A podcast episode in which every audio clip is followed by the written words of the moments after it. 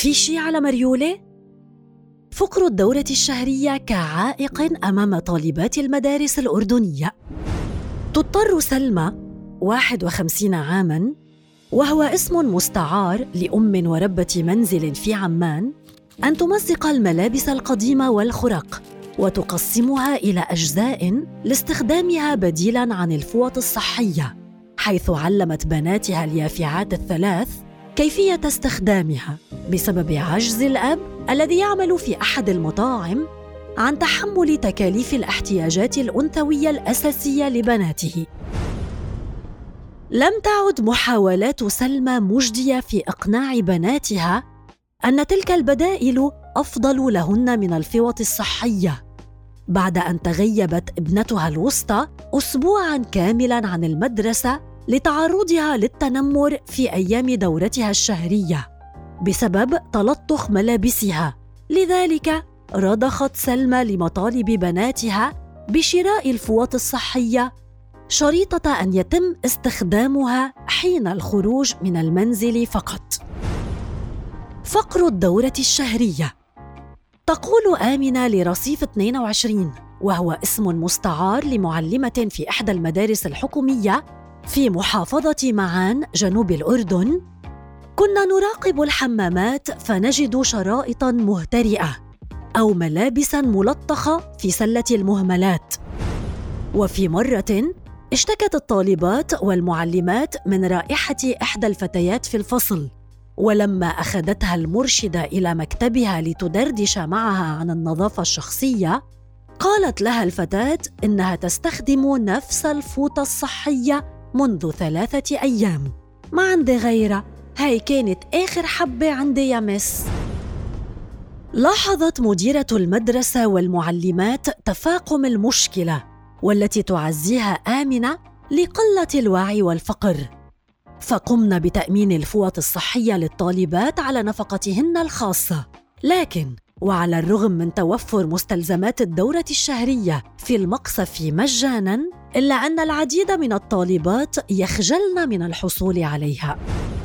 تشترك جميع الإناث حول العالم بالدورة الشهرية حيث تقضي النساء في المتوسط أربعين عاماً من حياتهن وهن يحضن إلا أن ما يقارب 500 مليون امرأة وفتاة منهن 107 مليون عربية يعانين من فقر الدورة الشهرية.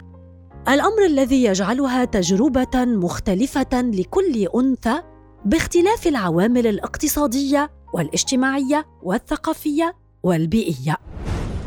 بعد جائحة كورونا تم تسليط الضوء بشكل متزايد على أهمية التحديات المتعلقة بقضية فقر الدورة الشهرية التي تواجهها الإناث على نطاق عالمي لما لها من عواقب وخيمة على تعليمهن وصحتهن وطبعا كرامتهن والأردن ليس استثناء بأي حال من الأحوال حيث تبلغ نسبة الفقر فيه 14.4% بحسب أرقام قديمة إذ لم يتم تجديد رقم خط الفقر منذ سنوات طويلة.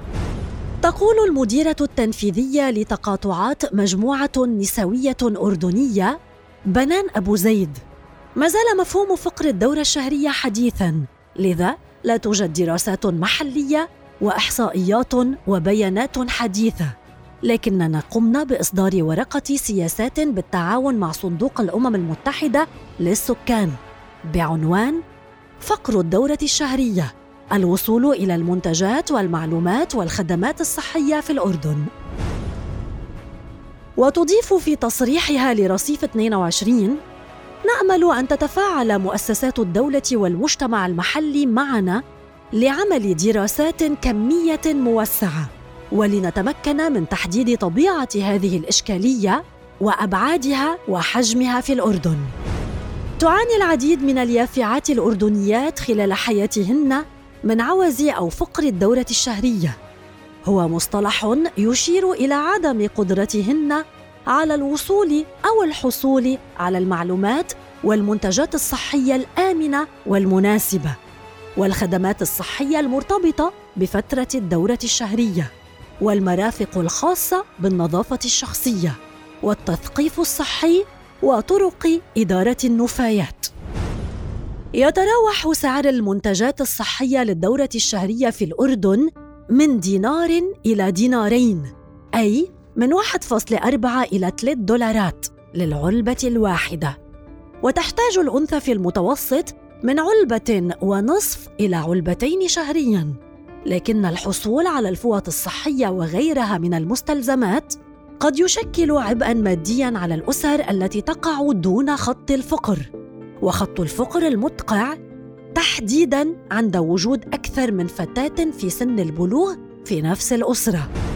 لذا تلجأ بعض النساء والفتيات أحيانا إلى بدائل غير صحية بدائية أو إلى منتجات ذات جودة أقل بأسعار منخفضة. مخاطر صحية ونفسية. مشكلة الخيارات البديلة ليست في نقص الرفاهية بل في كونها في معظم الأوقات غير صحية وغير آمنة. ولها الكثير من التأثيرات السلبية على الصحة الجنسية والإنجابية للنساء والمراهقات. إذ قد تعرضهن لخطر الإصابة بعدوى الجهاز التناسلي والتهاب المسالك البولية ما لم يتم أخذ الرعاية المناسبة بعين الاعتبار. وهي مشاكل قد تؤدي لاحقا إلى أمراض مثل التهاب الحوض أو العقم بحسب الرأي الطبي. من جهتها تؤكد الأخصائية الاجتماعية في اتحاد المرأة الأردنية رشا ضمرة أن الضرر لا يتوقف على الانعكاسات الجسدية للفتيات بل قد يؤدي إلى انعكاسات نفسية سلبية. فوفقا لدراسة أجرتها لازوردي بالتعاون مع إنجاز على 346 من النساء والفتيات البالغات في محافظة المفرق الواقعة في شمال شرق الأردن عبرت 91% من العينة عن مرورهن بمشاعر سلبية في فترة الدورة الشهرية. تتفاوت بين الغضب والنفور والإشمئزاز. تضيف ضمرة لرصيف 22 هذه المخاطر الصحية والنفسية لها آثار وخيمة على التحصيل العلمي للفتيات. لكن احدا لا يهتم لمعاناة النساء. فعادة ما يتم تهميش حاجات المرأة وتسخيفها. وبالذات في خضم مواجهة القضايا المعيشية فيصبح الحديث عن الفوط الصحية أمام من يبحث عن لقمة العيش شكلا من أشكال الرفاهية. وصمة عار ونجاسة. تقول مها 16 عاما لرصيف 22 وهو اسم مستعار لطالبة في المرحلة الثانوية في إحدى مدارس مدينة الزرقاء التي تقع شمال شرق العاصمة عمان لا أنسى كيف وصفت لنا المعلمة الحيض في الصف السادس. نجاسة الحيض نجاسة وعلى المرأة التطهر بعد أن تنتهي منه. علمتنا خطوات الغسل ولم أعد أذكرها ولكن أذكر جيدا أنها قالت لنا أنه لا يجوز للمرأة الاستحمام خلال حيضها. تعلق ضمره على الحديث السابق. بقدر ما هي عملية بيولوجية طبيعية فأن الدورة الشهرية موصومه بالعار في جميع أنحاء العالم. تتحرج الفتيات من دورتهن الشهرية لارتباطها بالنجاسة. فيشعرن بعقدة الذنب وبالخجل والإشمئزاز من أنفسهن. لذا يظل الحديث عنها من المحرمات. وكأنهن بسكوتهن يبعدن تهمة العار عن أنفسهن. فتتحرج الفتيات من التصريح شهريا أمام عائلاتهن من مرورهن بالدورة الشهرية ويتحرجن من طلب شراء مستلزماتها كما يتحرجن من شراء الفوط من المتاجر بأنفسهن. هذا الخوف من التحدث بالأمر شكل عائقا أمام اليافعات من الوصول إلى المعلومات العلمية الدقيقة. وحرمهن من الحصول على المنتجات والخدمات الصحية المناسبة وذات الجودة ومن فرصة التعرف على أجسادهن وتطوير عاداتهن الصحية. وقد أجابت 50% من المشاركات في ورقة تقاطعات بأن الأمهات لا يناقشن هذه المواضيع مع بناتهن لأنهن يشعرن بالخجل بسبب المحظورات والخرافات والمعتقدات المغلوطة المتوارثة دون تصويب. فتتحول مشكلة وهمية إلى حقيقة ثابتة في أذهانهن.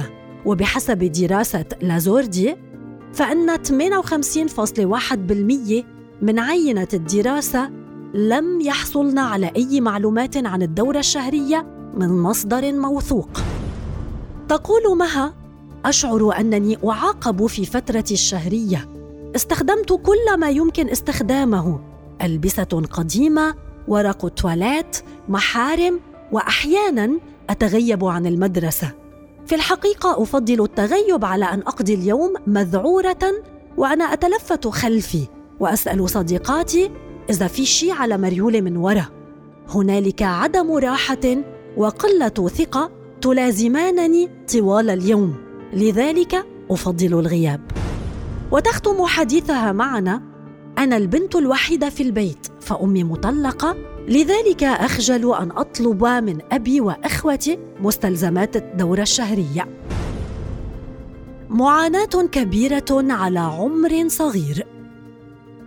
لكن هناك معاناة أخرى تواجهها الفتيات في عمر صغير وفي بدايات تعرفهن على الدورة الشهرية وعلى أنفسهن كبالغات بحسب ورقة سياسات التي أصدرتها مجموعة تقاطعات وهي عدم نظافة دورات المياه العامة نتيجة الاكتظاظ وكثرة الاستخدام وهي حاجة أساسية وضرورية لتتمكن الفتيات من إدارة فترة الدورة الشهرية.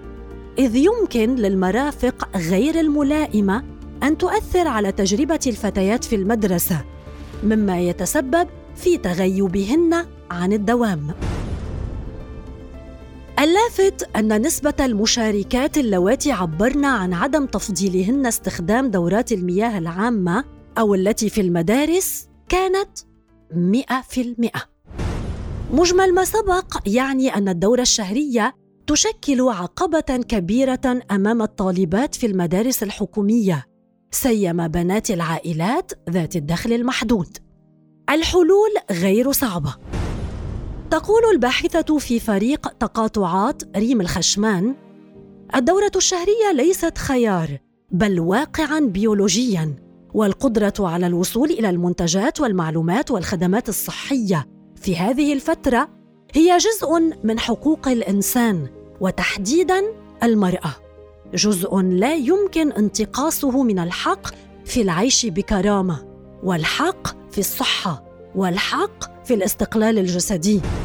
يبدأ الحل حين تعتبر الدولة أن حاجات النساء ولا سيما مستلزمات الدورة الشهرية أولوية لا تقبل التفاوض لا رفاهية ولا كماليات أنثوية. من جهتها تقول أبو زيد لا يمكننا أن نطرح حلولا قبل أن نعرف حجم المشكلة وفي أي سياق هي موجودة في الأردن. ولكن بالتأكيد الحل ليس بيد جهة واحدة. لابد من أن يكون هناك تكاتف جهود من الدولة والمجتمع ومؤسسات المجتمع المحلي والمنظمات الدولية. أما ضمره فترى أن علينا كسر المحرمات وتناول قضية فقر الدورة الشهرية بشكل علني لنتمكن من رفع التوعية كخطوة أولى. دون الخوف من أن يتم إسكاتنا بحجج مثل العيب وصمه عار والموروثات المغلوطة. أيضا لابد من إطفاء الطابع المؤسساتي وتضمين الصحة الإنجابية والجنسية في المناهج المدرسية بشكل علمي ولكلا الجنسين. بينما ترى الخشمان أن من واجب الدولة أن تجد حلا مستداما تقول لا يمكن لمنظمات المجتمع المدني أن تستمر بتوزيع الفوط الصحية. لا يمكننا أن نحل محل الدولة. بداية على الدولة إلغاء الضرائب على المنتجات الصحية للدورة الشهرية ودعمها كغيرها من السلع الأساسية وتوفيرها مجانا لطالبات المدارس. وتختم نحن نعلم أن فقر الدورة الشهرية مشكلة معقدة. لا يتعلق الأمر ببساطة توفير المستلزمات من دورات مياه أو منتجات بل أيضا بتغيير الأعراف والعادات المجتمعية. إنها رحلة طويلة والطريقة الوحيدة لتحقيقها هي من خلال سلسلة من الخطوات الصغيرة.